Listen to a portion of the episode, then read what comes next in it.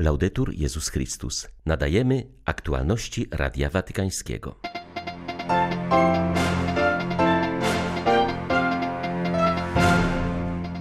Papież Franciszek spotkał się z kierownictwem oraz wolontariuszami katolickiej organizacji Solidarności Międzynarodowej Fidesco, która od 40 lat służy osobom wykluczonym w najodleglejszych zakątkach świata. 53. Międzynarodowy Kongres Eucharystyczny w 2024 roku odbędzie się w archidiecezji Quito w Ekwadorze, poinformowało biuro prasowe Stolicy Apostolskiej.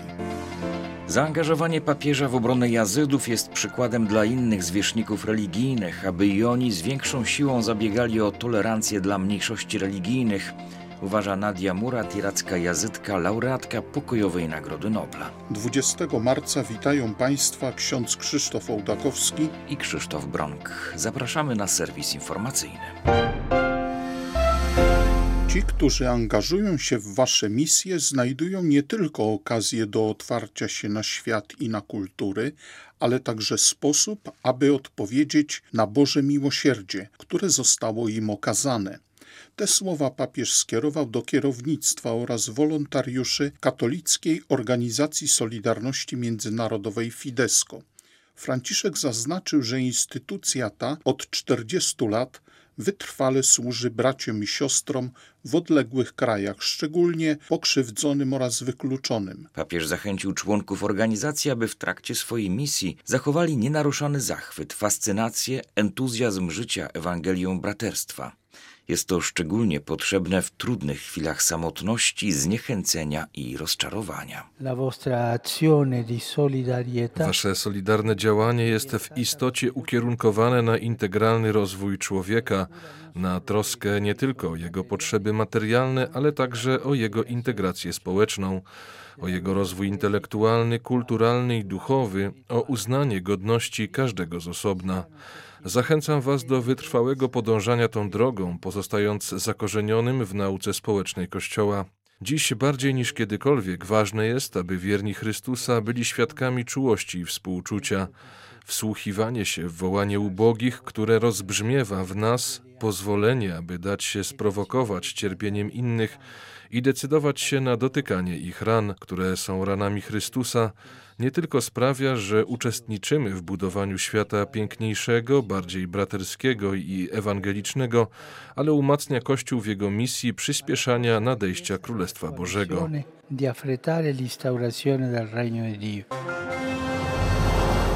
53. Międzynarodowy Kongres Eucharystyczny w 2024 roku odbędzie się w archidiecezji Quito w Ekwadorze, poinformowało biuro prasowe Stolicy Apostolskiej.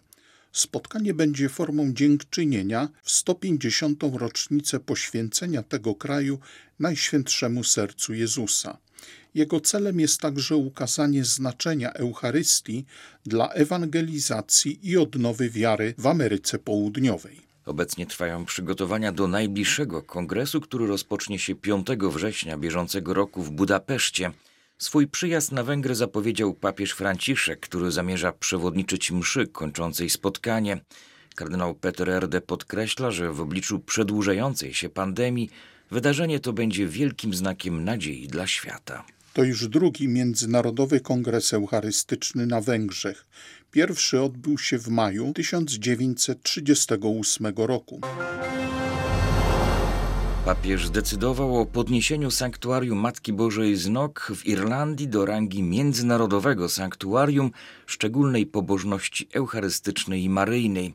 Historia tego miejsca sięga 21 sierpnia 1879 roku, kiedy to Najświętsza Maryja Panna wraz ze świętym Józefem i świętym Janem Apostołem ukazała się mieszkańcom wioski Nok. Franciszek zauważył, że w tym objawieniu Maryja nie wypowiada ani jednego słowa, ale to milczenie jest bardzo wyrazistym językiem. Ojciec Święty zwrócił uwagę, że podniesienie świątyni w Nok do rangi międzynarodowego sanktuarium wiąże się ze szczególną odpowiedzialnością. Zobowiązujecie się, że będziecie z szeroko otwartymi ramionami witali każdego pielgrzyma, który przybywa do Was z każdego zakątka świata nie żądając od niego niczego, lecz uznając go jedynie za brata lub siostrę, którzy pragną dzielić to samo doświadczenie modlitwy we wspólnym braterstwie. Niech wasza gościnność będzie połączona z miłością i stanie się skutecznym świadectwem serca, które otwiera się na przyjęcie Słowa Bożego i łaski Ducha Świętego, obdarzającego mocą. Niech tajemnica Eucharystii, która jednoczy nas w komunii ze zmartwychwstałym Panem i ze sobą nawzajem, będzie zawsze wsparciem w wiernym przeżywaniu naszego powołania do bycia uczniami, misjonarzami, podobnie jak dziewica Maryja, która stała się pielgrzymką Ewangelii swego Syna. Niech ona nas chroni i pociesza swoim miłosiernym obliczem. Watykan stosuje najlepsze międzynarodowe standardy w walce z praniem brudnych pieniędzy i finansowaniem terroryzmu, zapewnia przewodniczący Urzędu Nadzoru i Informacji Finansowej Stolicy Apostolskiej. W obecnym trudnym czasie musimy zachować wyjątkową czujność, bo choć jesteśmy tak małym państwem, to jesteśmy też miejscem przepływu finansów z całego świata ze względu na powszechność Kościoła zauważył Carmelo Barbagallo. Papieski urzędnik zapowiada kontynuację reformy finansów stolicy apostolskiej i wzmocnienie nadzoru. Od kiedy w 2009 roku podpisaliśmy układ monetarny z Unią Europejską, konsekwentnie wprowadzamy wszystkie regulacje mające na celu zapobieganie przestępstwom finansowym. Zwiększyliśmy przejrzystość finansową i zaostrzyliśmy kontrolę, zaznacza Barbagallo. Przypomina, że w ubiegłym roku Watykan opublikował nowy kodeks zamówień publicznych oraz statut regulacji finansowych. Celem tych zmian było ujednolicenie zarządzania finansami, co w zamyśle ma chronić przed nielegalnymi układami i korupcją. Chodziło także o zapewnienie zrównoważonego wykorzystywania funduszy watykańskich i wprowadzenie kryteriów maksymalnej przejrzystości i konkurencji, powiedział przewodniczący Urzędu Nadzoru Finansowego Stolicy Apostolskiej. Postawa papieża względem Jazydów i jego zaangażowanie w obronę ich sprawy jest przykładem dla innych zwierzchników religijnych w tym regionie, aby i oni z większą siłą zabiegali o tolerancję dla mniejszości religijnych, takich jak Jazydzi, mówi Nadia Murat, iracka jazytka, laureatka pokojowej Nagrody Nobla. W 2014 roku została porwana przez bojowników tzw. Tak państwa islamskiego. Przez trzy miesiące była przez nich więziona i systematycznie gwałcona. Po ucieczce z niewoli wyemigrowała do Niemiec i od tego czasu nagłaśnia dramat Jazydów, a w szczególności kobiet i dzieci. W wywiadzie dla Radia Watykańskiego podkreśla, że 2800 jazyckich kobiet i dzieci nadal nie odzyskało wolności. Fakt ten obnaża brak woli politycznej, by chronić podstawowe prawa człowieka i zapewnić kobietom bezpieczeństwo. Pokazuje, że przemoc seksualna i niewolnictwo nie są traktowane poważnie przez wspólnotę międzynarodową. Należy niezwłocznie powołać wielostronną grupę zadaniową, której jedynym celem będzie odnalezienie i uratowanie tych kobiet i dzieci, podkreśla była niewolnica państwa islamskiego. Komentując papieską wizytę w Iraku, przyznaje ona, że była to podróż historyczna, ale historyczny też jest moment, w którym się odbyła.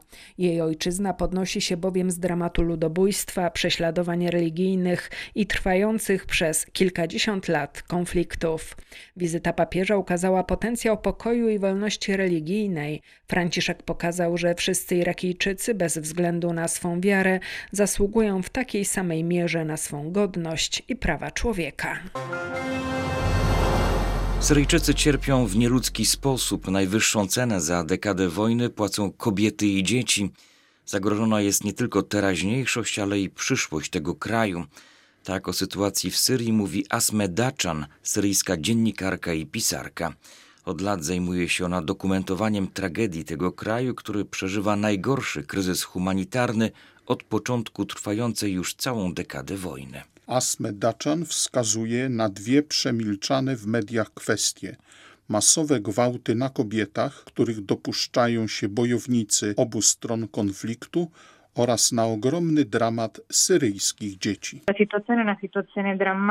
Sytuacja jest naprawdę dramatyczna. Tak ogromnego ubóstwa ten kraj nie doświadczył nigdy wcześniej. 80% ludzi potrzebuje wsparcia żywnościowego. Poważnie zagrożona jest przyszłość Syrii, a pamiętajmy, że są nią dzieci. UNICEF alarmuje, że płacą one najwyższą cenę w tej wojnie. Wiele dzieci straciło wiele lat nauki. Ogromna grupa przez te 10 lat konfliktu nigdy nie zasiadła w szkolnej ławie i nie rozpoczęła nauki. Mówi się o zagrożeniu powstania całego pokolenia analfabetów. Inne problemy to przymusowe wcielanie chłopców do oddziałów zbrojnych oraz masowe gwałty na dziewczynkach. Nasila się też praktyka przedwczesnych ślubów. Kilkuletnie dziewczynki wydawane są za mąż, gdyż rodzice wierzą, że tylko tak uratują je przed biedą. W Atenach odbyło się dwudniowe spotkanie przedstawicieli pięciu państw Unii Europejskiej, do których przybywają migranci chcący osiedlić się w Europie. Są to Grecja, Włochy, Hiszpania, Cypr i Malta. Celem spotkania było opracowanie wspólnej strategii w sprawie repatriacji migrantów, którym odmówiono prawa azylu. Nowy pakt migracyjny przedstawiony przez Komisję Europejską przewiduje bowiem zacieśnienie współpracy z państwami, z których pochodzą migranci w celu ułatwienia ich repatriacji. Jak wskazuje Radiu Watykańskiemu Sylwia Sinibaldi, dyrektor do spraw kryzysów humanitarnych w Caritas Europa, jest zrozumiałe, że kraje takie jak Grecja zajmują się kwestią repatriacji, bo znajdują się one pod silną presją, zwłaszcza na wyspach, gdzie liczba migrantów przewyższa niekiedy liczbę rdzennych mieszkańców. Priorytetem powinno być jednak zapewnienie godnych warunków życia w samych obozach dla migrantów. Z pewnością spotkanie tych pięciu krajów ma sens, ponieważ presja, pod jaką się znajdują, jest nadal zbyt silna, tym bardziej, że brakuje solidarności ze strony innych państw, solidarności, której te kraje się domagały. Nowy pakt migracyjny Unii Europejskiej ma wydźwięk nieco bardziej pozytywny.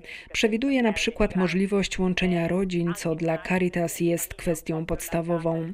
Pozytywne jest również poszerzenie w tym względzie samego pojęcia rodziny. Mowa jest również o poszanowaniu i monitorowaniu praw podstawowych, co dla nas jest oczywiście kwestią niepodlegającą dyskusji. To są aspekty pozytywne, na których możemy i powinniśmy się skoncentrować.